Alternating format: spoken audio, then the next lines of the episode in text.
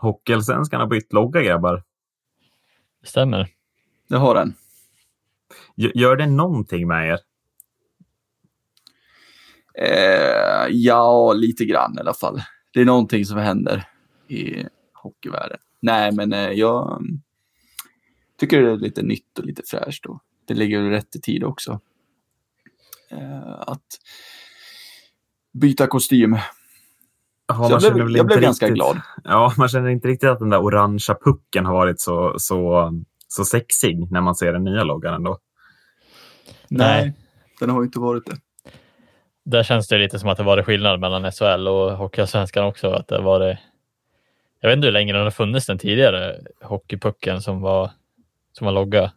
Ja, minst tio år väl ändå, är känslan. Ja, det är så pass. Det känns som att det var dags. På samma ja. sätt som SHL ändå rebrandade sig så kanske det var dags för Hockeysvenskan mm. efter den här säsongen.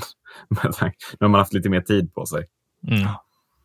Jag tycker det är konstigt ändå att det har väckt så mycket starka känslor kring att de har bytt logga. Det... Eh, ja, ja, framförallt så är det ju de med någon koppling till Sundsvall Hockey som, ja. har, eh, eh, som då har kommenterat att, att, man har stulit deras logga. Och jag, jag, vill, jag vill ändå ropa ut direkt att så här, eh, Sundsvall Hockey, ni måste tänka om här.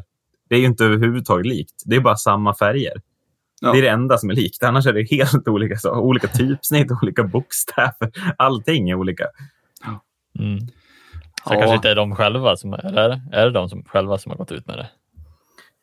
Det vet jag inte. Jag har bara sett många som har sagt att Sundsvalls är lik mest. Ja. och jag håller inte med dem. Ja, så det var inga starka argument liksom för? Nej, skulle jag inte påstå.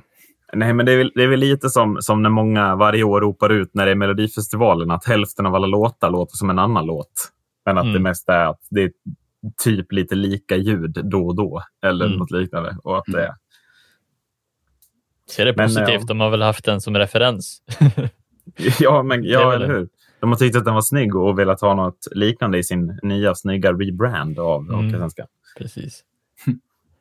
ja, nej men eh, lite glad blev man och det känns ju rätt. Hockeysvenskan är en stark produkt eh, för tillfället och jag tror att eh, det bara gör, det, gör dem gott att fräscha upp lite.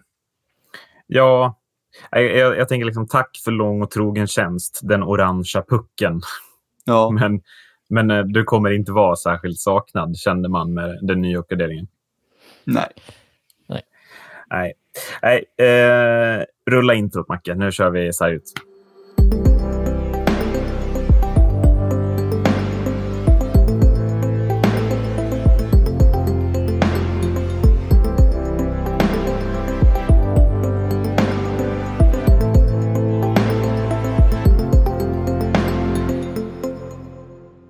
Hej och välkomna till det sjunde avsnittet av podcasten Sverige ut.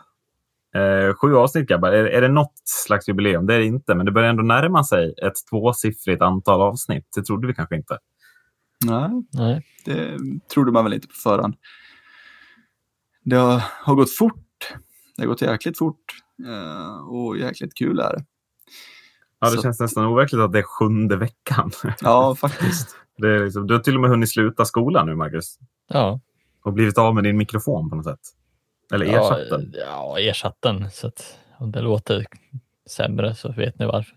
Nej, det, jag lämnade tillbaka den så ja, fick jag investera i en egen. Och du valde såklart inte samma billiga som jag och Marcus. Eller jag och Adde antar jag. Nej.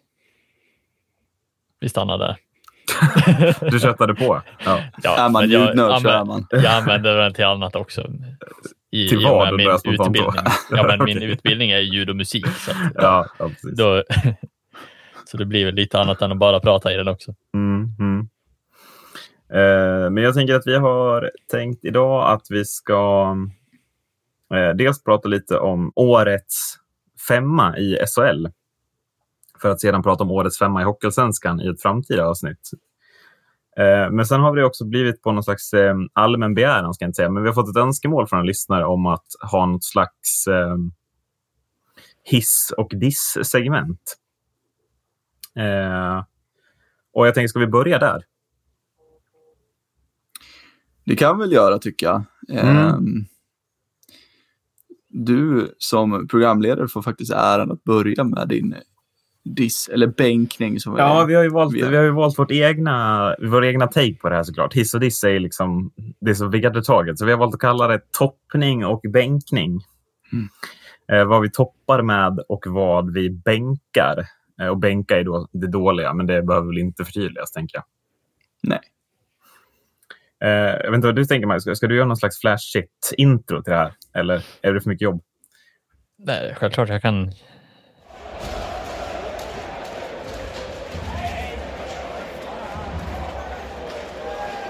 Jag eh, är jävligt trött på en grej. Och, men jag, backstoryn till att jag kommer ta upp det har att göra med eh, Cody Curran.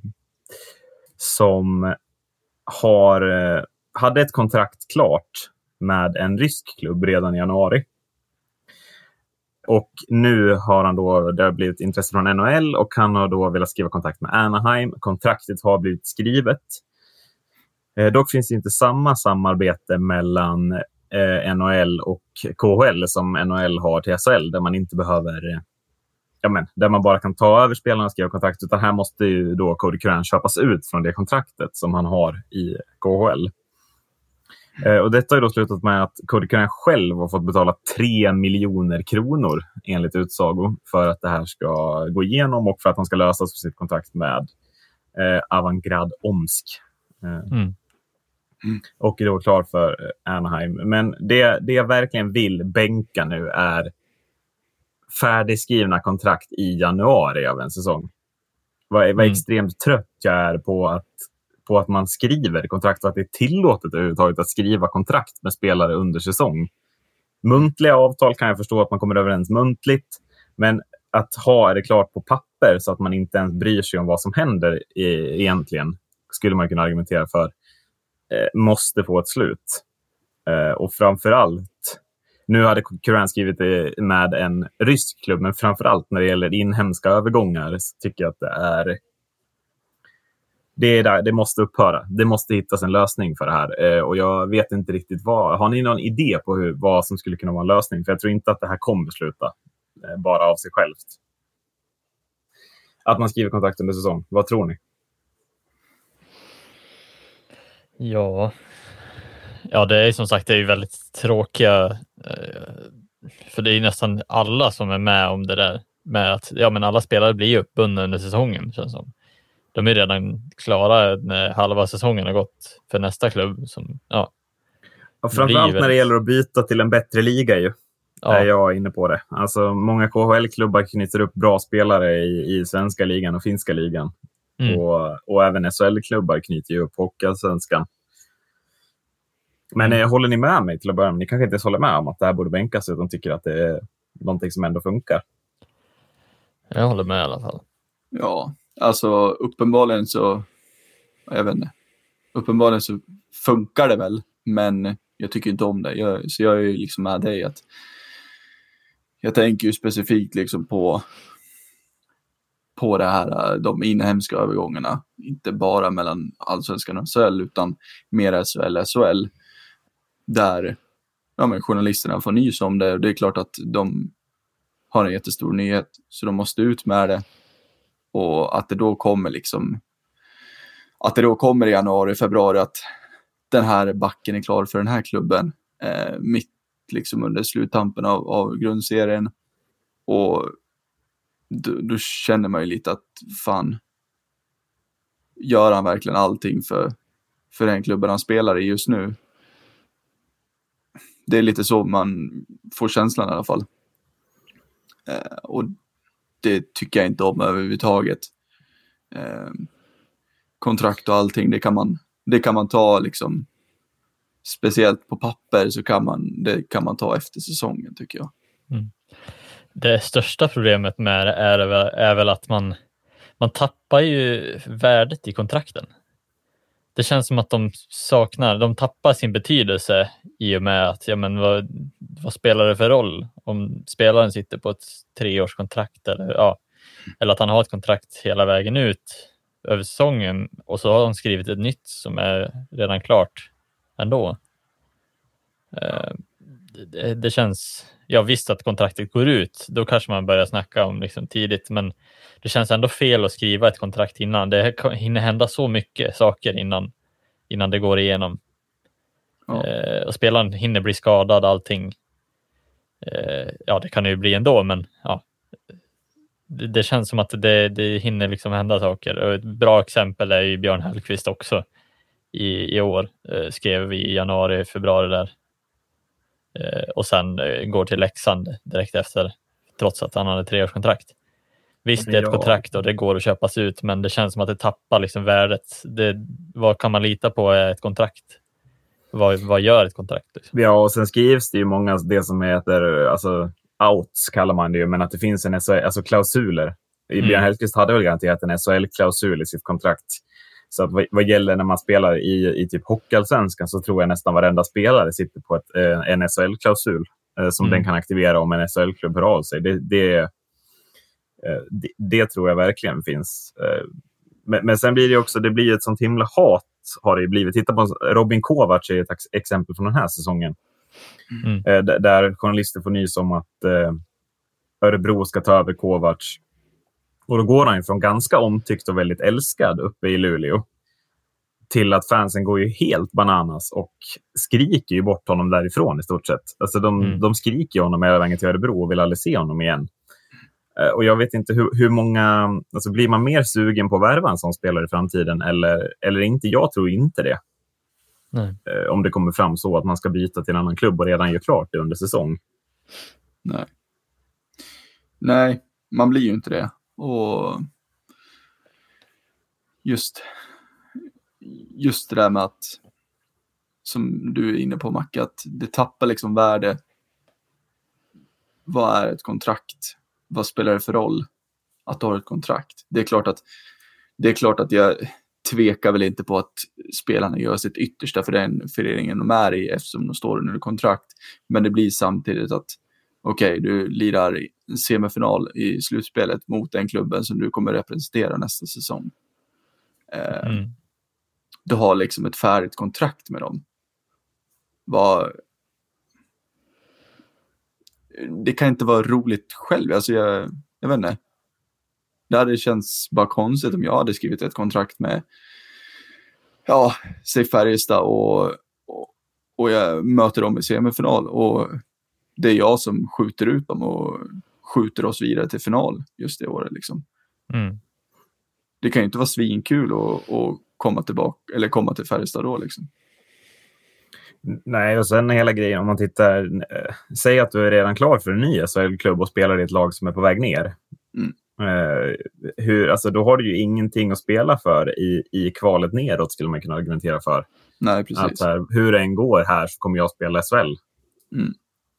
Eh, föreningen och klubben hamnar ju lite i andra hand jämfört med spelaren på ett annat sätt kan jag känna. Som Ja. är lite, eh, som blir, li- det är där jag tycker felet blir. Att nu, nu alltså det, visst, jag tycker det är klockrent av Avantgarde de ska ta en, en, alltså de får ju tre miljoner rakt in i kassan fortfarande, men de hade ju räknat med Curran som en bärande spelare nästa säsong. Mm. Och det är ändå KHL, det är världens näst största liga vi pratar om, där pengarna är större. Och där är också, jag menar, hockey är väldigt stort i Ryssland också, så att säga vad man vill om att det inte, ja, det är inte Sverige, men det är samma känslor där. att Avangard Omsk, deras fans hade väl väntat sig en bra back som de har sett liksom kommer tvåa i poängligan i en av världens bästa ligor. Mm. Och ska styra. Nu, nu måste man, det blir ju att man måste chansvärva lite, för många andra bra spelare är uppknutna av andra klubbar också. Får inte glömmas, tänker jag. Mm. Ja, nej, det är ju, det är ju en fruktansvärt bra back. Liksom, så att... Och om de hade fått honom så det, det är klart att han hade ju gjort Omsk bra mycket bättre känner jag. Eh, och att då tappa honom bara sådär. Det är klart att det blir lite panik och då måste man ju ut och göra de, de värvningarna. Mm. Sen vet man ju inte om de har scoutat en och annan till. Det har de ju förmodligen gjort. Ehm, och de fick chansen på, på Kyron och sen sket det sig. Så det är klart, de borde väl ha en backup, men ändå. Känns väl inte som att det finns så många andra som är... Nej, men om en backup är Hans- fortfarande en backup. Alltså Ja. säger man så här, ja men det blir han istället. Ja men det är fortfarande plan B. Plan Ja. B är sällan bättre. Alltså om man tittar i tecknade filmer så är plan B ofta run, typ. Ja, Eh, och plan B är sällan bättre än plan A, tänker jag. Eh, och att man, man, får inte underskatta det, att man hade tänkt att bygga hela laget, backuppsättningen kring Karan. Ja. Och nu måste man istället ta sin plan B och bygga kring och då kanske inte den funkar. Och då måste det bli en plan C som innebär extra kostnader och extra utgifter. Ja. Och, och sen nu, man åker inte ur KHL, men man vill ju fortfarande vinna Gagarin Cup, som det så fint heter. mm.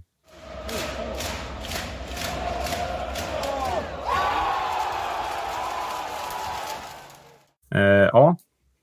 Men en hyllning på det kanske? en Eller, hyllning på eller det. en toppning. Nu har vi bänkat kontrakt eh, skrivna under säsong. Mm.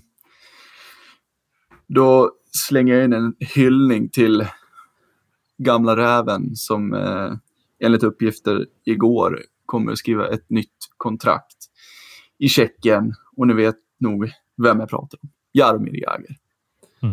Är det Direkt. sant? Det har jag missat. Det ryktas alltså att han köra en säsong till. Han har ju varit väldigt tydlig med att han älskar sporten så pass mycket att han gärna vill spela tills han är 50. Eh, nu är det inte långt kvar dit. Eh, och vad ryktena säger så ska han fortsätta i Sparta Prag. Eh, och det är ju förbannat roligt. Tycker jag.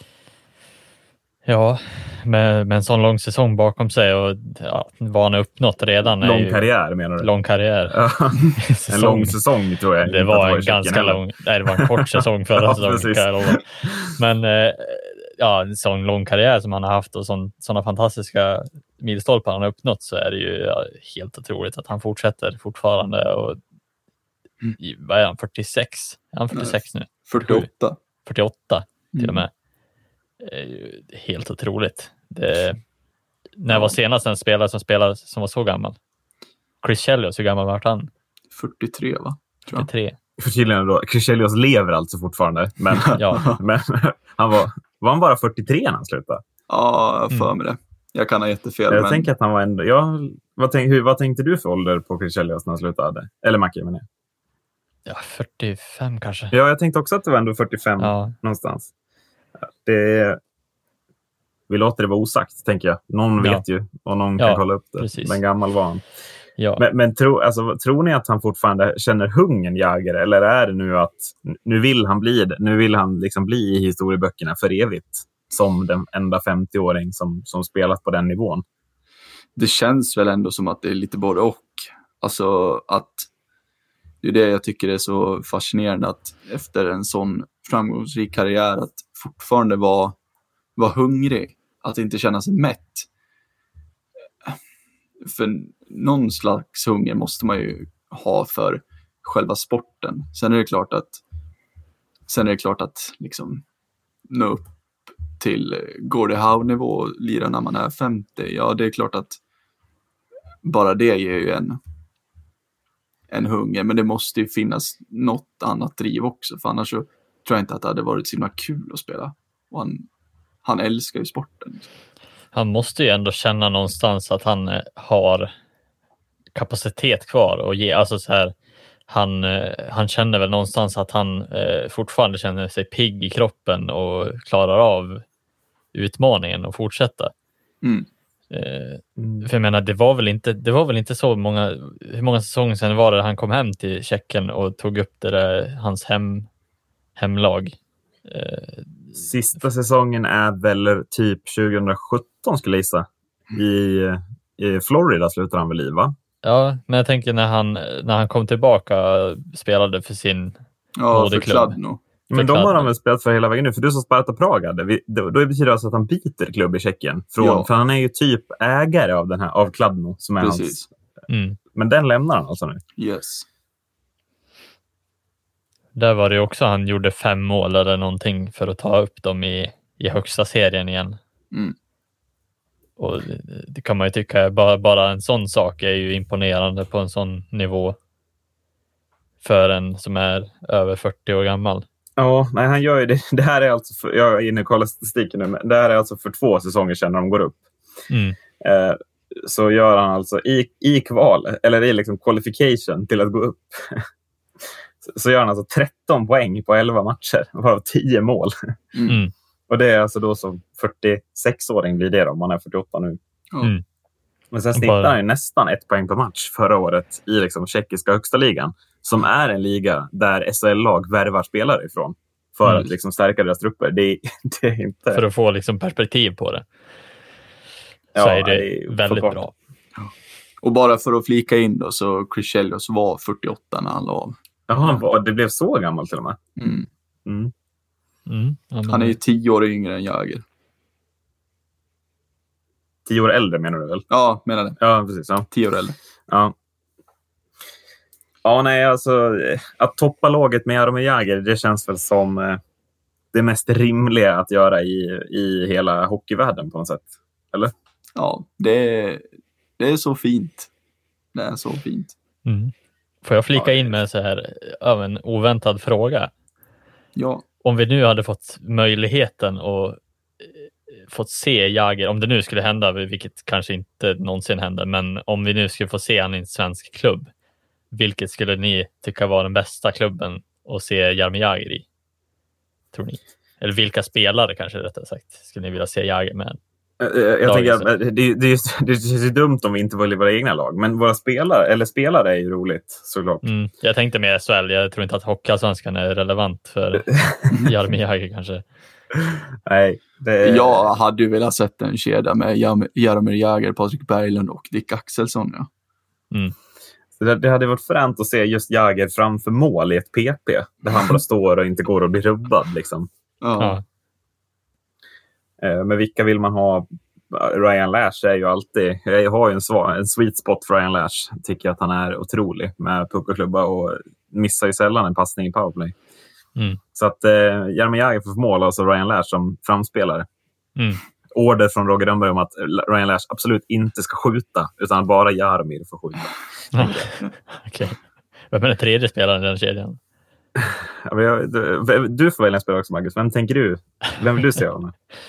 Oj, jag, hade ju dock, men eh, det blir ju, nu har inte jag hunnit tänkt på det här. Jag tänkte att det var mer till er, men eh, Linus Klasen hade varit kul. Dock var inte han med den här säsongen, men han kommer vara nästa säsong. Ja, det är extremt bra motbud. Eh, det hade ju varit eh, publikdragarnas IF, tror jag det hade blivit. Ja, ja, Eh. i alla fall den. Det känns ju inte som att man inte vill se den kedjan spela Nej. hockey. Om Linus Klasen, Ryan Lash och Jaromir Jagr spelar i samma kedja. Ja. Nej, då hade jag gärna betalt pengar för att se. Sen den tredje har det varit Linus Omark eller något. Men har Linus Omark som back i det PP. ja, Ja. vad, är, vad är Omark i år, på tal om, eh, hemma. eh, på tal om KHL? Han är kvar i, i Kvar sitt KHL. Salavat, eller? Ja. Men han är väl hemma i Sverige tror jag väl. Men ja, han är, Jo, ingen vill väl bo i Ryssland mer än nödvändigt, tänker jag direkt. det ska vi inte. Det ska vi inte underskatta. Vi vet ju inte. Eh, Kanske är bättre än Nej, vad vi, det, det, vad vi hör. känns, vad, vad säger din känsla, Marcus? Min känsla är ju alltid att det, ja, Att det är grått och tråkigt i ja, Ryssland? ja, men det, det är säkert jättefint och, på vissa ställen. ja. Det, det tror jag. Ja Sen nej, det alltid, det- man baserar det på vad man hör. Jag har ju inte varit där själv, så att jag Nej, nej. vet inte. vi, Nej, får men- väl, vi får väl se vad Omark går. Han ska ju vara klar för ehm, att lämna Salavat faktiskt. Finns det något svensk intresse där, eller? Jag känner väl att det borde göra det, men eh, jag tror nog att han är eh, dyrare än Linus Klasen faktiskt. Så jag har Ja, faktiskt... det, jag tror också att han är bättre än Linus Klasen. om jag Ja, ska Jag också. hade hellre haft Omark i mitt lag, om jag ska vara sån. Och jag tror nog inte att han är jätteklar utomlands fortfarande heller. Nej, nog har han väl en säsong till i sig, minst. Ja. Och, och de pengarna är ju trots allt de pengarna. Även om man tjänar jättebra i SHL Mm. så är det ju, går det inte att jämföra. Så. Tror ni inte ändå att Luleå är ett lag som skulle kunna ta hem en bara om det skulle vara intressant? Jo, vad heter han? Porscher. Ja, Kanske pungar upp. Det skulle inte förvåna mig. Mm. Jag tänker väl, de har väl en hel del Minecraft-miljoner också som de... Ja, det, var, det, är väl det, det är väl han. Porsche är väl Minecraft? Ja, det kanske är han som är. Ja, Jag, mm. jag har väl hört ett annat namn. Det är väl hans smeknamn kanske. Jag inte ja jag vet inte vad du har hört. Nej, jag tappade helt nu vad det var för namn. Ja, gaming-smeknamn tror jag vi ska hålla oss Ja. borta från kanske. Ja, nej, precis. Eh, ja. Eh, Vi bänkar eh, kontrakt i januari och vi toppar såklart med Jaromir Jagr. Ja. Mm. Nu eh, bestämmer vi årets femma, tycker jag. Och vi kör årets femma i SHL det här avsnittet. Och med det sagt, så, och det har vi sagt tidigare också då i avsnittet, men Hockeyallsvenskans bästa kedja tar vi i ett, eh, i ett kommande avsnitt, i ett framtida avsnitt. Mm. Vi, vi måste ju fylla våra avsnitt med någonting innan säsongen drar igång, tänker jag. Och det är en lång sommar. Mm. Det, Det är det. det är det. Eh, men jag har eh, två, två frågor, tror jag. Mm. Eh, dels vilken, vilken position eller vilken spelare liksom, tyckte ni var svårast att utse? Och vilken position är ni mest spänd på att höra vad de andra har valt för, eh, för spelare? Vi har ju inte pratat med varandra innan det här, utan vi har bara sagt att vi ska ta ut varsin årets femma. Eh, svårast var nog eh, forwardsidan. Eh, och vi ska väl tillägga också att vi har bara plockat forwards. Spelar ingen roll vilken position, utan tre forwards. Nej, men precis. Utan tre forwards, två backar och en målvakt har vi väl Ja. tagit. Precis. Eh, den jag är mest spänd att höra vad, vad ni har satt, det är väl ändå eh, målvakten skulle jag säga. Eh, det är nog spridda skurar tror jag. Ja, Mm. jag är väldigt enig med dig, Adde. Jag är också inne på att eh, målvakt ska bli väldigt spännande att höra vad ni har att säga. Men, men det var nog trots allt svårast att välja en sista forward, skulle jag säga. Jag hade två väldigt klart för mig, men sen tog det lång tid innan jag hittade min sista forward. Ja, Ja, och jag hade, ja, jag tänker väl vara lika tråkig att säga forward också, men eh, jag tyckte ändå att målis var lite utmaning ändå. Jag ska väl tillägga också att jag har inte följt SHL extremt mycket mer än att jag har sett matcher live, ett par stycken förra året. Sen har jag väl följt lite grann på tv, men mest allsvenskan har jag följt. Men eh, ja, eh, så att det, och det jag, vad var den sista frågan Erik? Nej, men vad du tyckte var svårast att utse? Eller vad du var mest spänd på att höra vi, vad vi skulle säga, menar jag. Målvakt tyckte du var svårast. Ja, men jag säger väl backar då. Jag, spännande att höra. mm. Eh, men jag tänker, eh, ska vi vara eh, klassiska och börja bakifrån eller oklassiska, eller vad motsatsen nu är till det, och förnyande kanske, och börja framifrån? Vad tänker ni? Ja, jag tycker väl ändå att målvakterna känns mest spännande vad alla har valt. Nästan. Men, eh, och jag tror att forwardsarna kanske är liknande varandra. Ja, men ska vi då vara helt kontroversiella och bara börja med backarna? Som kanske är minst eh, spännande då? då? ja, kan vi göra. Det kan vi göra. Eh, jag tänker att jag, jag kan börja med eh, min första back som jag har valt. Och eh, den här tror jag också är den spelaren som alla tre kanske klickade i först när man valde sin femma. Eh, jag har redan pratat om det i avsnittet, men det går inte att ta ut en årets femma utan Cody Curran, anser jag. Nej, det gör det icke. Ehm, därför har jag honom också. Ja. ja, alltså jag tänker väl att eh, då har vi väl alla avslöjat varsin första back eh, i, i den här. Ska vi, ska vi också säga någonting om Curran, vad vi ändå tycker? Jag tycker ju att han är... Det, det är den spelaren jag helst hade velat haft i mitt lag om jag hade varit eh, SHL. Alltså SHL. Alltså om jag hade spelat, ha, ha, tränat ett lag i SHL i år så hade jag helst velat ha Cody Curran i mitt lag. Det är Ja. helt sjukt vad viktig han har varit för Rögle, skulle jag vilja tro. Och jag tror att eh, ett Rögle utan Cody Curran nästa år tror jag inte alls kommer vara eh, lika självklara som ett topplag Mm. som man är i år med Curran på backsidan. är min eh, förut, äh, förutspåelse. Ja, nej, facit ligger väl i också att han är ju värvad av Anaheim nu. Eh, eller Ja, var vad väl tror du om hans chanser där? Jag tror att han kan lätt gå in på sex backar. Ja, jag har det- faktiskt svårt att se att han inte ska göra det. Det, det är så man, man tycker att det är många som borde ta en plats i, i NHL, men vi ska ju tillägga att det är fruktansvärt svårt. Eh, men jag har ju också jättesvårt att se det för att jag ser liksom inte att Anheims backsida är så stark eh, för att kunna stänga ute Kyron. Eh, det, Du har ju bäst koll på NHL skulle jag ändå säga. Vad, vad har vi för backar där att jobba med? De har ju inte gått bra på senaste åren, Anaheim, va? nej, de har inte gjort det. Eh, Lindholm har ju varit bra, Hampus. Eh, har han ju varit. Eh, men har ju, han har väl inte fått den hjälpen han har behövt liksom. Gud, har vi tre svenska backar i laget? Sjukt. Ja. Eh, och sen liksom bakom det så, ja, alltså Cam Fowler är ju, är ju i grund och botten en väldigt bra back, men, men han har ju liksom, tycker jag, lite sitt forna jag. Om vi, om vi tittar på, liksom, man, man pratar ju om första back, eh, andra, tredje back, fjärde, femte back och sjätte back. Vad, vad tror du Curran kan hamna där? bara av att, att kolla på deras, på deras eh, backsida på papper så det är liksom fyra, femma absolut. Mm. Eh, Lindholm är ju skriven etta liksom. Det, Ja, Så och är. Fowler lika skriven tvåa väl? ja, han är ju finns det. väl ändå någon till kanske som går före Curran, skulle jag säga. Sen vet jag inte Mm. vem, men, men ja, jag, jag, det, det känns ändå som att man har gjort en bra värvning där i Anaheim. Och att han, jag tror inte att liten is spelar någon större skillnad för Curran, även om han har varit i Europa under en lång tid. Ja, nej, det gör det ju inte. Eh, det, det tror jag inte att det gör. Eh, han, är, han är van vid det. Ehm, även, även som du säger att han har varit borta ett tag från nordamerikansk hockey. Men, men han Mm. kommer passa perfekt, det tror jag. Det är ju förutsatt att han faktiskt levererar på den nivå han, han verkar ha i SHL. Mm. Så tror jag väl att han garanterat ska ta en ganska enkel plats där i, i Anaheim. Jag har ju svårt att se liksom att han inte skulle bli, beroende på hur de spelar i powerplay då, Anaheim, men jag har ju svårt att se att han inte ska bli andra, andra PP-back. Jag har verkligen det. Mm, Eh. nej, det känns rimligt.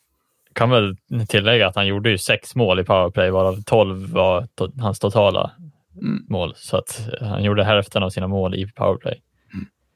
Eh, Så att bara en sån sak är ju ganska så positivt för just Anaheim. Borde vara. Eh, ja, men vi rör oss vidare till eh, back nummer två. Jag tänker, ska du börja Marcus med vem det är och någon slags motivering? Motivering först kanske? Ja, motivering först. Ja, det- var väl att det här laget var fantastiskt försvar, hade ett fantastiskt försvarsspel. Eh, och kom, slutade först i ligan också. Och den jag har valt som, eh, som den andra backen är Erik Gustafsson. Eh, dels för att han, han levererade liksom 32 poäng och dessutom har en eh, väldigt hög nivå på plus minus sidan. då. Eh, så att jag tycker att det, det var en, eh, en ganska solklar för mig. Eh, jag har inte samma, men nästan. Hur ser det ut för dig? Adde? Jag har inte heller samma. Så det är kul. Har, har du från ett annat lag? Det har jag. Eh, För då tror jag att jag tar min först. För jag har ju tänkt väldigt likadant som dig, Marcus. Att jag, jag tycker att vi... Eller jag, jag kan inte riktigt ha en årets femma utan att ha Luleå representerade defensivt på något sätt. Jag tycker Mm. att deras defensiv var klockren. Eh, men jag tycker ändå utväxlingen och eh, sättet som han dominerade stundtals i JVM fick mig ändå att ta Nils Lundqvist före Erik Gustafsson. Erik Gustafsson värvade på ett helt annat sätt att vara bärande. Och jag tycker Nils Lundqvist är minst lika bärande i Luleås försvarsuppsättning det här året. Mm. Och jag tycker att han är en roligare spelare än Erik Gustafsson framförallt, så därför tog jag honom. Mm. Men, men mycket samma motivation, mycket poäng, bidrar med, eh, med mycket bra uppspel och bra plus minus även på Lundqvist, även om den inte är lika bra som Gustafsson. Då. Mm. Eh, Men nu är vi spända. när, när ett annat lag ska representeras på backsidan. När ett annat lag, ja. Eh, jag eh, har eh, med en rightare och som gjorde också väldigt, väldigt mycket poäng. Även min gamla kompanjon i U14, U15 från den tiden, Johannes Kinnvall. Den utväxlingen han har haft två, tre senaste säsongerna eh, tycker jag är, ja, det är riktigt fint att se. Eh, jag trodde aldrig att det skulle bära så långt till ett NHL-kontrakt som han nyss har skrivit med Calgary. Um, på det sättet han, han dominerade i, i uh, special teams i powerplay den här säsongen. Så um, är det, jag förstår era val med, med Luleå att det är svårt att undgå deras defensiv, att den har varit hur bra som helst. Men jag kunde inte liksom kunde inte låta bli att plocka ut Kinnvall. Eh, fantastisk back. Eh, mm. Magisk spelförståelse, underbara händer, eh, riktigt fint skott. Nej, han är komplett skulle jag säga. Hur, hur, ser du på hans defensiva kvaliteter? För att bli, anser du att de också är kompletta? För det är lite det som fick mig att, att avstå Kinnvall. Att jag mm. tycker att det jag, jag, såg honom betydligt mer förra året när han var i Timrå. I ja. att jag, när jag inte kollade på Mora så kollade jag på Timrå för att sätta hoppas på andra laget mest. Men, men, offensivt så finns det ju som du säger enorma kvaliteter. Han var ju väldigt viktig för Timrå där förra året också. Men, men ja. defensivt är det ju ja, det är många misstag tycker jag. Sen har jag inte sett lika mycket i år. Nej, nej. Eh, jag tycker att det är liksom det är klart att han har mer offensiv i sig än defensiv. Um, och det är väl lite en, det är väl lite Erik Karlsson light version kan man väl säga. Att det är offensiven som, som han lever på. Um, sen tycker jag att de matcher man har, man har sett så då tycker jag ändå att han har utvecklat sitt försvarsspel. Um, men sen är det så också, det är klart att det är misstag och misstag sker och man måste våga göra misstag. Eh, och han spelar på den, eh, på den liksom gränsen mellan eh, dårskap och, och genidrag, liksom, eh, tycker jag. Eh, mm. Och då får man ändå räkna med ett misstag här och där. Eh, men som sagt, det är en fantastisk spelare och ett extremt bra liksom, komplement till till eh, Cody Curran. Mm.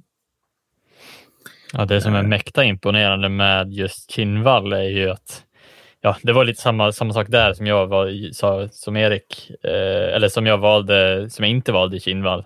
Det var ju hans defensiva kvaliteter och det är något som kan utvecklas. Det är klart, alla har inte varit bra defensivt när de har varit bra offensivt. Så är det ju.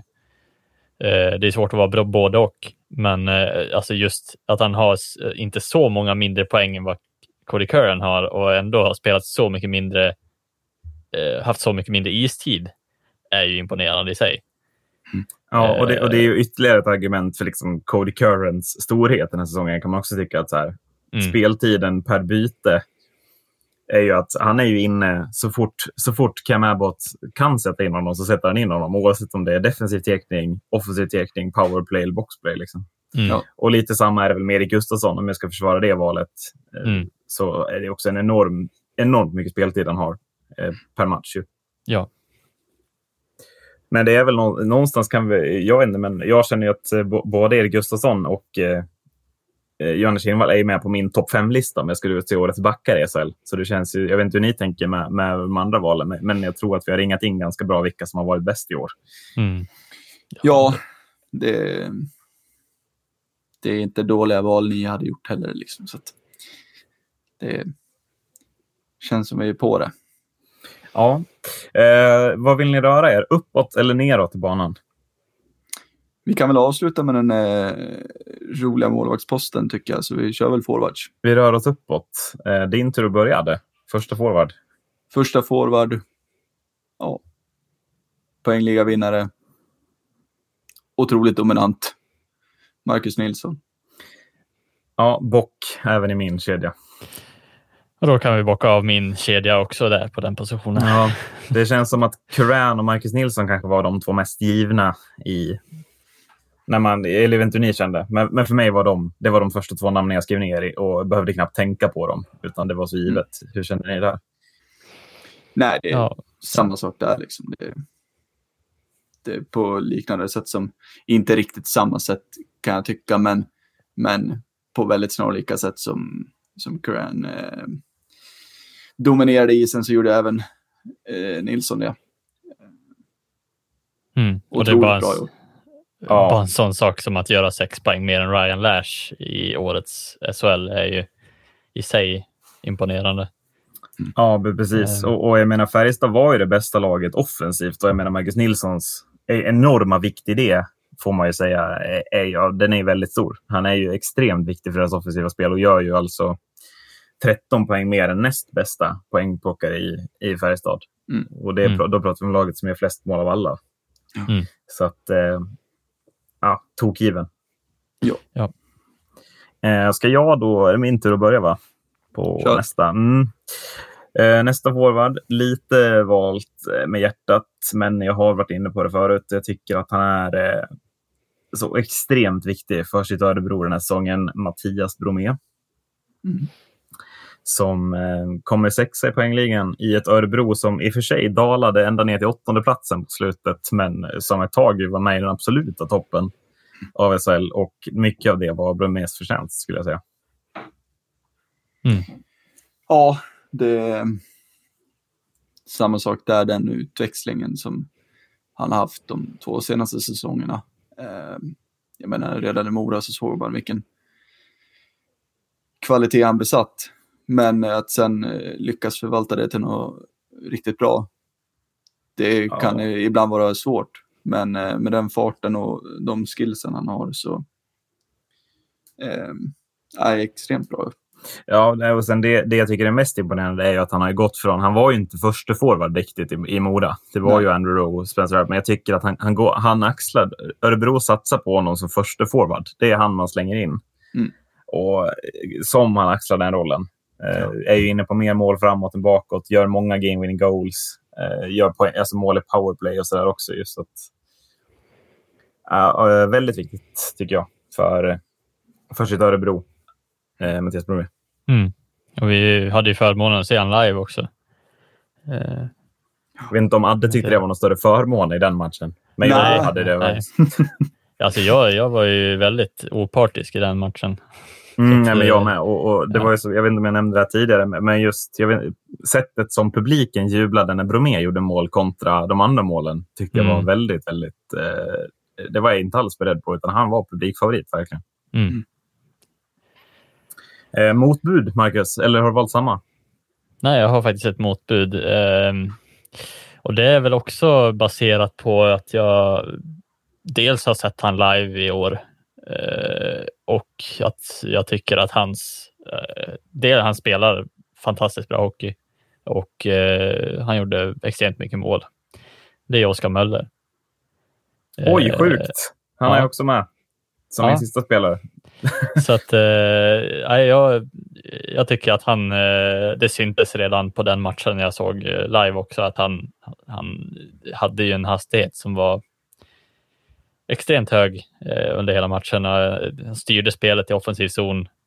Eh, ja, jag tyckte verkligen att han, eh, han visade sig vara ja, en väldigt bra ishockeyspelare i SHL även i år. Eh, Ha- Har du med Möller eller Bromé, Adde?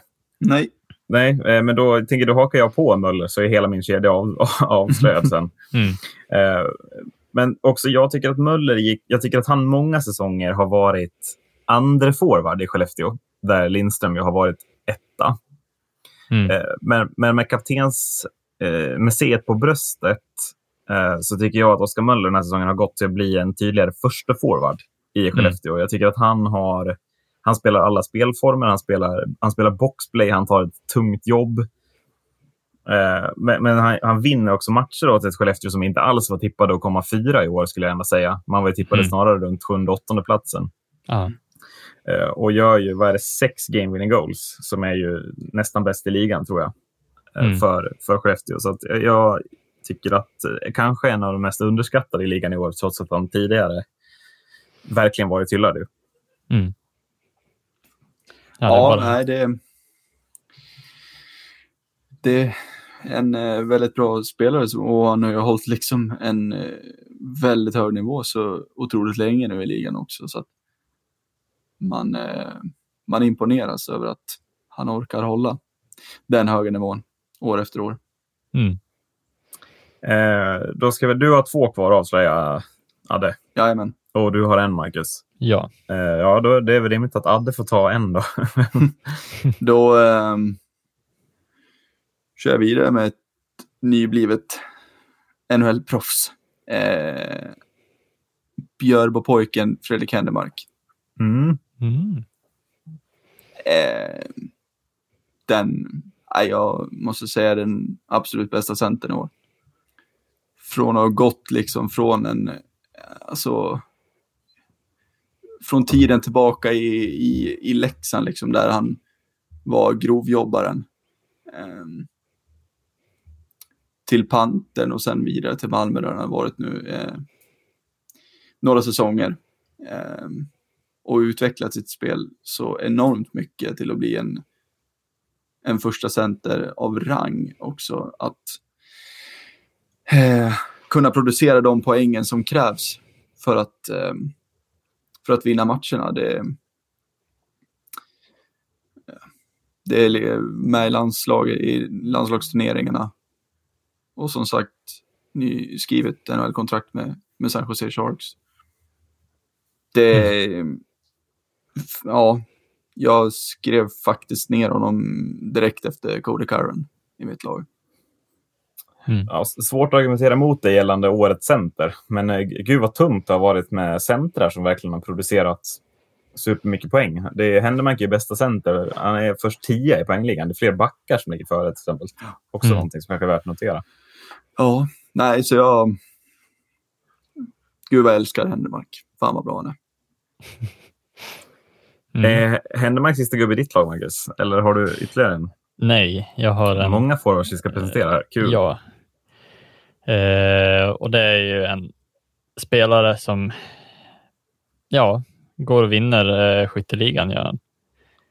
Eh, och det är väl inte helt oväntat att ha Brock Little som, som siste man i min... Eh, jag tycker att han var extremt bra i år. 24 mål, fyra mål mer än Oskar Möller. Och 45 poäng slutade han på också. Så att, eh, ja, jag tycker att det, eh, han var väldigt bra. Ja, nej på det. Hade du honom Adde? Eller nej. har vi ytterligare en till? Ja, vi har ytterligare mm. en till.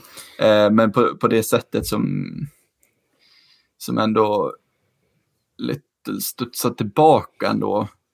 Jag ska inte säga att han var dålig i, under fjolåret, men ändå på, han var ju skadad en del förra året. Eh, men på det sättet också att som han studsar tillbaka i ett ganska dåligt Linköping och lyckas leverera de poängerna. Det är starkt. Det är mm. riktigt starkt. Eh, jag, jag, kanske blir den tråkiga nu, men jag ska säga en av de första som jag ratade när jag tittade på poängligan var faktiskt Brock Little från mitt lag. Mm. Eh, dels för att jag, jag, har svårt att välja spelare, märker när jag tar sådana här kedjor, som, som har spelat i, i bottenlag. Mm. Gillar inte riktigt... Visst, Brock Little gör mycket poäng, men, men det går inte bra för Linköping för att han gör det. Men sen kanske det, det kanske är det man ska tänka på. Att här, utan honom hade de åkt ur istället. Det, det mm. kanske är så man borde tänka. Men Eh, 11 av 24 mål i powerplay och minus 4 i plus minus-ligan. Eh, där faller, jag, faller han bort från min, eh, min femma, kort mm. sammanfattat. Mm. Ja, nej, som sagt, det, du är inne på det att eh, jag tror ju inte att eh, de hade klarat sig undan ett kval utan Brock Little år. Och det är ändå det är ändå där liksom som, som jag var touchad. Nu har inte jag med Little i min, men... Men det känns som att det är närmare för dig att ta med Little än vad det var för mig ändå. Ja, helt Så, klart. Ja. Helt klart. Det var det. Men eh, då återstår en forward. Mm. Och det eh, är... Ja, jag, jag, kan inte vara utan honom. Det är lite som, som Cody Curran. Ja, okay, ja. Ryan Lash. Ja, du hamnar där ändå. Det, det, ja, jag finner faktiskt inga ord längre för honom för att han har levererat sån överlägsen ishockey flera år i rad. Liksom. Hur han styr det där powerplayet i Göteborg är eh, häpnadsväckande bra, tycker jag. Mm. vad, vad var anledningen till att du inte tog med Lash, Marcus? Alltså det stod ju, jag ska väl nämna det också, det stod ju mellan Lash och jag var faktiskt inne på både Rödin och Bromé också. Mm. Eh, Rödin enbart för att det gick ju riktigt dåligt för Brynäs i år, men ändå så levererar han. Ja, det är lite samma som Eh, Little där ju. Ja, precis. Och Little var mest för att han gör det han ska. Han gör mål. Alltså han gör mest mål i hela ligan. Han gör mer mål än Oskar Möller som faktiskt var fantastisk i år. Mm, mm. Och bara den sån sak var, tycker jag, en väldigt bra grej. Sen tycker jag Ryan Lash är väl, alltså han är ju alltid bra.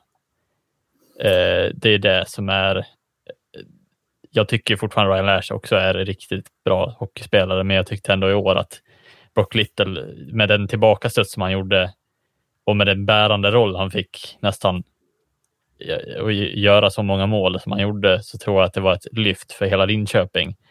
Eh, Frölunda kanske om de hade liksom tagit hela vägen eh, i slutspel och så vidare. Om de har gått långt i slutspel. Nu hann vi inte se så långt. Men ja, det är alltså, han, gör, han, han är ju fantastisk, Ryan Lash också att kolla på. Men det känns lite som att Brock Little var lite mer ensamvarg i Linköping på något vis. Än vad Ryan Lash är. Ja, jag köper argumentet verkligen. Jag, jag, tror, jag bara inser att jag kanske har undervärderat Brock Little. Får lite sådär, hmm. men, men också undervärderar man kanske Ryan Lash. Att bara för att han inte var lika bra som förra året så tänker man att han inte borde vara med här. Men han, han blir trots allt trea i poängligan. Mm. Han, han gör sina mål, han gör sina assist framför allt. Det, är, Mm. jag, jag börjar, det, det är lite så att man, man, man blir lite blind för att man har en viss krav på spelare. Och Ryan Lash, är, är han lite bättre vinnare i poängligan? Så enkelt är det väl kanske. Mm. Och sen är det ju också, eh, Ryan Lash har väl lite samma fall som i Jonathan Jonssons fall. Med de fantastiska spelare han har runt sig så kanske det boostar honom, han, eller hans, eh, ja, men hans poängskörd ganska enormt. Eh, jämfört med de spelare som får slita, eh, slita väldigt hårt för, för att få poäng och mål. Mm. Och Det är väl det man måste ha i åtanke också. Eh, även om det fortfarande är fantastiska ishockeyspelare. Eh, så känns det som att Ryan Lash ändå hade möjligheten till att till och med slå Marcus Nilsson. Tycker jag. Ja, jag håller med dig. Ja, men jag tycker att du är på det, Macke, med, med Lash. Just det här att han alltid är bra. Det är just det som, som fick mig att plocka ut honom. Mm. Att han är alltid bra. Det spelar liksom, det spelar liksom ingen roll. Det känns som att han, han kan spela med vem som helst liksom. Mm. Och han är alltid bra. Ja, och det, och det är väl lite så, alltså ska man, ska man vara... Men Lash är väl den enda i SHL som kan liknas i powerplay med Jonathan Dahlén, tänker jag. Att Mm. man nästan måste ha en gubbe ute på Lash. Ja. Eh, och vilket öppnar upp för övriga powerplay väldigt mycket. Ja. Eh, ja, då återstår den svåraste positionen tyckte vi alla nästan. Eller den mest intressanta positionen tyckte vi alla. Det skulle bli Ja. att höra vilken Mm. målvakt man har valt. Eh, vem, är det någon som känner sig manad att vilja börja? Är det någon som... Tycker Macke borde börja. Mac, Macke börjar? Men det mest kontroversiella valet i hela... Nej. Kari Rämä. Nej, alltså så, så illa kanske det inte är. Ni kanske, jag är helt hundra på att ni garanterat inte har valt samma. I så fall eh, är det väl konstigt. Eh, ja, nu är, men- du, du, jävlar vad du jobbar jag upp bygger, stämningen. jag bygger upp spänningen. stämningen här. Ja, det gör du verkligen. Eh, för jag har faktiskt eh, av alla målisar valt att välja eh, jag, jag vet inte om han är den absolut bästa, men jag tycker att det är värt att nämna den här eh, målvakten och det är Dominik Furch i Örebro. Mm. Eh, Jag kan säga som boende i Örebro så finns det extremt många fans här som absolut skulle hålla med dig nu. Mm. Eh, och, och han var faktiskt högt upp för mig Mm. eh, innan jag valde min målvakt. För att om man tittar på hur många, må, många matcher som målvakten har stått i topplagen Mm. så har alltså Furch stått 46 av 52 matcher i år för Örebro. Mm. Det måste vara en av de sjukaste noteringarna på mycket, mycket länge, tänker jag. Ja, Ja. det är ju inte superofta det är någon som lirar så extremt många matcher. Mm. Och det säger också en del om att Jonas, Arntzen tycker jag inte är en SHL-målvakt. Utan måste börja söka sig till en allsvensk klubb. Mm. Eh, där, det är en felrekrytering av Örebro. Ett sidospår. Men eh, ja, ja, tycker att eh, kul att du valde honom, Marcus, någonstans. Sen Mm. varför jag tycker det är oklart. Men Ja, men jag, jag baserar väl det på, ja, men det som du säger också. Han hade ju överlägset mest spelad tid. Alltså han hade fyra, eh, 400 minuter längre än vad Oskar Alsenfelt hade, som var tvåa i mest spelad istid.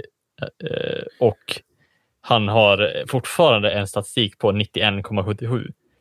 Mm. Jag tycker det är alltså, väldigt bra gjort av han och han har, mest, han har de- dessutom flest skott motade. Det är också nästan över 100 mer skott än vad Oskar Alsenfelt har tagit som hade, var tvåa på den. Så jag tycker att det är väldigt imponerande och bör nämnas, även om det kanske inte var eh, det topp, alltså ett topplag han spelade för. Eh, sen var ju Örebro väldigt bra i år.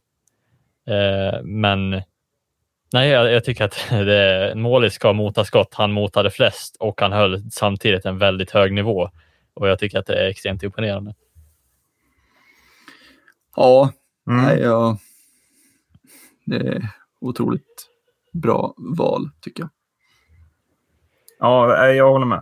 Alltså, Jag är glad att ett omnämnande för att det är lätt att titta på målvaktsligan, se honom på en sjunde plats och sen inte titta på vad, vad det här faktiskt innebär. Jag menar, spelar man 400 minuter mer och får 200 skott fler på sig än den målvakten som blir tvåa, ja, då är det nog kanske ganska givet att man inte har lika bra goals average, eh, alltså insläppta mål, och, inte eh, och inte lika bra mål, räddningsprocent heller, för då har man ju fått mycket mer på sig. Mm. Eh, ja, vill du kontra det? Mm. Jag vill kontra. Och det har ingenting med att göra att Eh, jag inte kunde lämna denna femma utan en djurspelare. Men eh, Niklas Svedberg är mitt val. Eh, lite samma grund som eh, vi snackade upp Rock Little om. Eh, att studsa tillbaka från en katastrofal säsong i Timrå. Ja, för det, och nu är det många som tänker att ja, Timrå var så dåliga och hade ett dåligt försvar. Ja, det hade de. Men Svedberg gjorde också många misstag. Ja, det var många sett tavlor. till i år. Alltså, jag håller med dig. Han stöter tillbaka och är betydligt, betydligt säkrare Mm. än, när, än när han stod för Timrå. Timrå Ja. var, det funkade inte varken för backarna eller för målvakterna i Timrå. Nej, Mm. Nej men och, och jag tycker att, ehm, att han utvecklas också under säsongen. Man kände lite, det kändes som att han fick en, en ny tändning eh, när han fick komma hem till Stockholm och, och så. Men jag tycker ändå att man såg lite av hans fjolårsspel i början. Det var lite svajigt och det var lite flaxigt, men alltså under säsongens gång att liksom utveckla sitt spel, att eh, studsa tillbaka som han, som han gjorde. Det, istället för att mota bort alla puckar rakt ut i slottet så då höll han dem. Och nej, han gjorde sådana extrema räddningar stundtals. Um, och räddade extremt många poäng eh, till Djurgården. Extremt många. Um,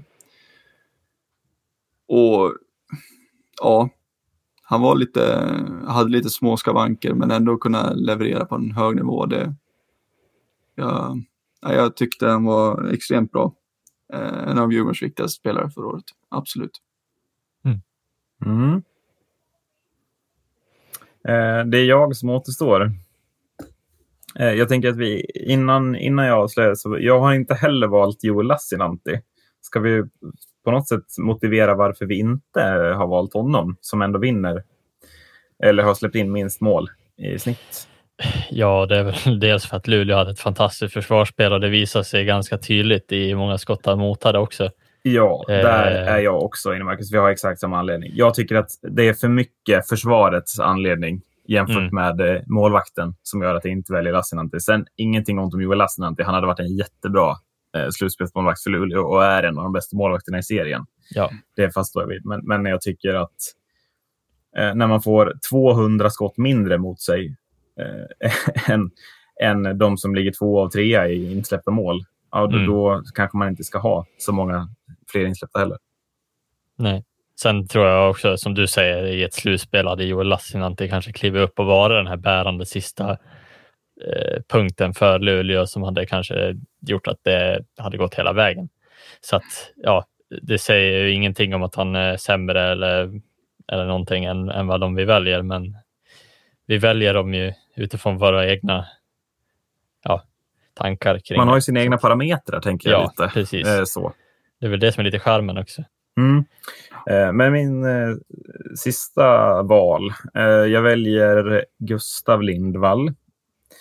Eh, på tal om utväxling eh, så tog han ju första spaden i Skellefteå på ett imponerande sätt. Men jag, tycker också att när, jag, när jag tittar på serien så tycker jag att Skellefteå är det laget som förtjänar mest omnämningar eh, i en sån här. För att de var inte tippade så högt upp i ligan eh, som de lagen runt om dem. Alltså Luleå, Färjestad, Rögle, HV, Djurgården, Frölunda var alla tippade där uppe. Eh, jag tycker det är väldigt starkt. Så Oskar Möller och Gustav Lindvall är de som, som mest identifierar Skellefteå den här säsongen, tycker jag. Eh, och varför Skellefteå har gått så bra. Eh, man har haft en kapten som har lett laget på bästa sätt, skulle jag säga. Och man har haft en målvakt som totalt spikat igen. Eh, den enda målvakten med över 93 i räddningsprocent. Och eh, vinner väl också årets räddning, va? Står för flertalet spektakulära räddningar, tycker jag. Ja. Mm. Eh, så Gustav Lindvall mitt val och eh, Skellefteå någonstans det valet av lag som jag är mest imponerad av. Mm. Om det tillhör. Mm. Ja, det... Eh, just som du säger, hela Skellefteå känns som att eh, stor eloge, eller vad man ska säga, till dem för en eh, otroligt bra säsong. Eh, där, eh, som vi säger, folk inte riktigt trodde på att de skulle ha den säsongen de fick. Mm. Ja, det var våra femmor. Jag tänker att det håller på att bli långt, men att vi också ska... Vi ska utse en spelare, någonstans, eller en bubblare som ju är... Det behöver inte vara en spelare som, som har gjort jättemycket poäng och som missade katten precis, utan bara en spelare som man tycker förtjänar något slags omnämnande utifrån en viss parameter eller liknande. Mm. Eh, vem ska jag börja vad gäller det kanske? Kör du. vem jag tycker... Eh, och vi, vi har ändå pratat om Luleå som, som laget som vinner ligan. Man har inte så många forwards med i toppen av eh, poängligan. Nej. Eh, så därför om nämligen nu en Luleå-forward. Eh, Juhani Tyrväinen. Eh, och då tänker ni, va? Han har inte gjort så mycket poäng. Nej, 29 poäng, absolut. Eh, däremot tycker jag han är extremt viktig eh, sett till att han blockerar mycket skott och han tacklar väldigt mycket. Eh, men det jag imponeras mest av, som jag tycker är en helt sjuk siffra, är ju alltså att Tyrväinen går plus 25 i plus minus-ligan som forward i år. Mm. Plus 25. Mm. Och eh, jag tycker därför att den store finnen förtjänar ett omnämnande som bubblare till den här femman. Mm. Ja, plus 25 eh, snackar man ju inte bort bara sådär. Näst bästa forward plus 18, ett förtydligande. Ja. Mm. Så att sju mål. Eh, inne, på, inne på 41 mål framåt från fem, 16 bakåt. Mm. Garanti eh, på Tyrväinen om du vill ha en, en viktig spelare i ett lag som gör saker i skymundan. Eh, är det mycket imponerande. Mm. Ja, alltså jag hade kunnat tänkt liksom att han inte var inne på lika mycket framåt, men väldigt lite bakåt.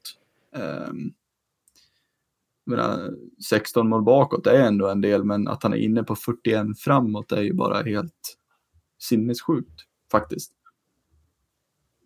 Ja. Ja, jag vet inte om ni vill, vill ni inte sätta det i perspektiv på något sätt? Kör! För att få ytterligare. 41 mål framåt. Fjärde flest i hela SHL bland forwards.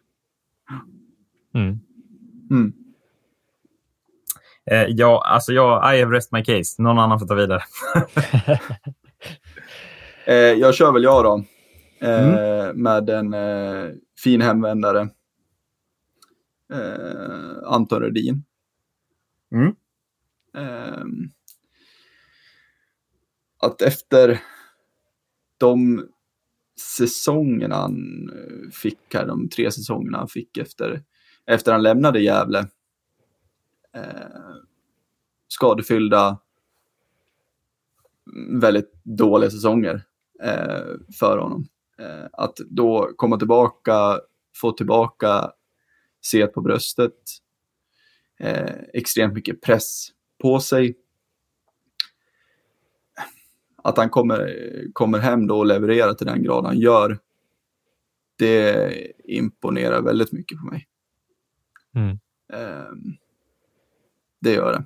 Och han var väldigt, väldigt nära att komma in i bland de tre forwards vi tog ut. Men eh, det är imponerande hur han i det Brynäs som vi såg i år, eh, att då göra de siffrorna han gör sticker ut väldigt mycket på liknande sätt som, ja, nu återkommer vi till han igen, amerikanen, men Brock Little. Eh, på det sättet de eh, som han liksom tar sig an uppdraget att leda Brynäs. Eh, nu gick det inte så bra för laget, men att han levererar, det är nog viktigt både för han själv efter de säsongerna han har haft utomlands, men även för, för Brynäs att se att okej, okay, här, här är han tillbaka. Han kan vi lita på i, i några år framöver. Också den enda, eller en av två utespelare i Brynäs som hamnar på plus i plus minus. Mm. Mm. Säger en del. Mm. Jag hade ju förmånen att se han live. Nu när jag tänker efter känns det som att jag har sett jättemånga SHL-matcher live i år av någon anledning. Ja, jag har Nej, sett en kan jag säga. Ja, du, sitter, ja. du sitter och kallar det för Mr Hockeyallsvenskan här. Ja, och så har jag sett fler SHL-matcher än, än vad jag ens kan ja, tänka att jag har inte sett lika många allsvenska matcher ändå live. Till ditt försvar ligger det ju lite närmare till SHL-resor i, i, där du jo, bor jämfört precis. med allsvenskan. Jag känner ändå att jag varit väldigt bred i min i SHL. Var det Skellefteå, ja. Brynäs, Leksand, mer. Ja, det massor som jag har sett. Mm.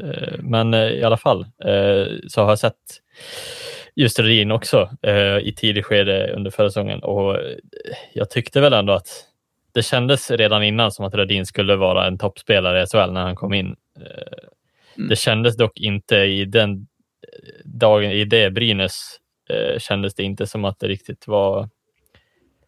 Han kändes inte så het när han väl spelade de matcherna i början, men jag tror att han, han växlade upp en ja, enorm mängd på slutet och under mitten av säsongen också.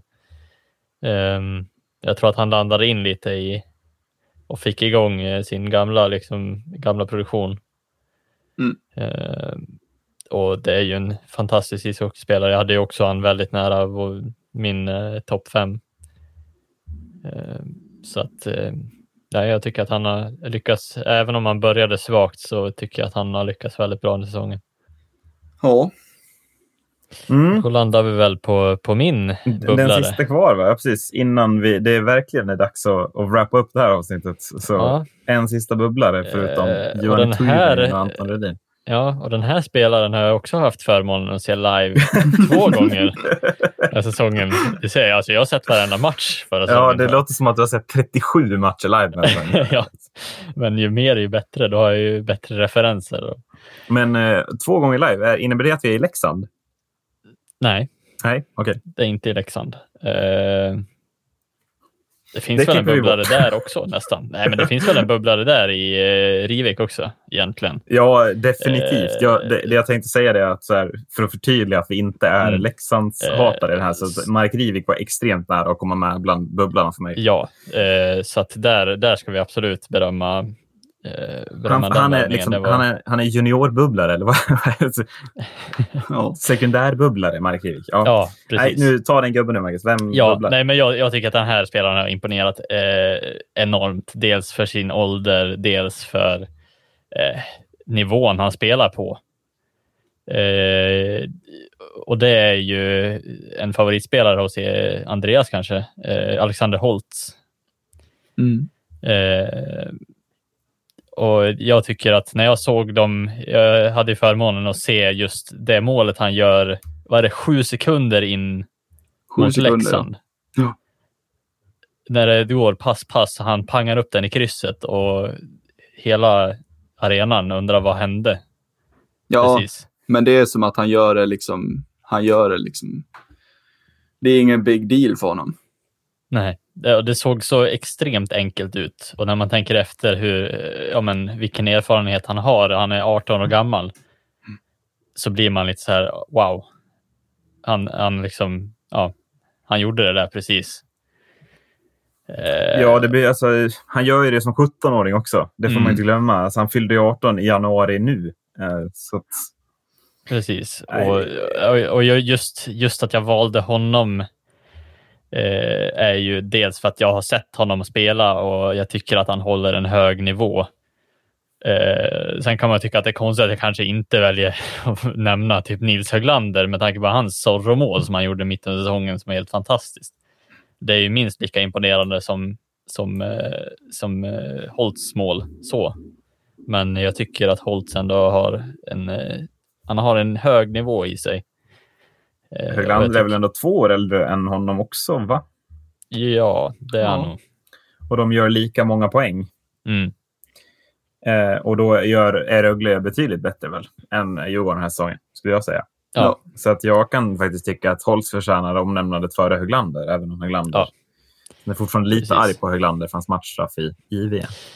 jo, men det, det, det är vi mm. allihopa kanske. Eh, långt blev det. Mm. Men vi är ju dåliga på att göra det kort. Det är väl bara att vi får acceptera det kanske. Det är ju så trevligt att prata långt också. Ja, det är det. Framförallt när man pratar om sådana här grejer. det är så svårt att inte få allting sagt.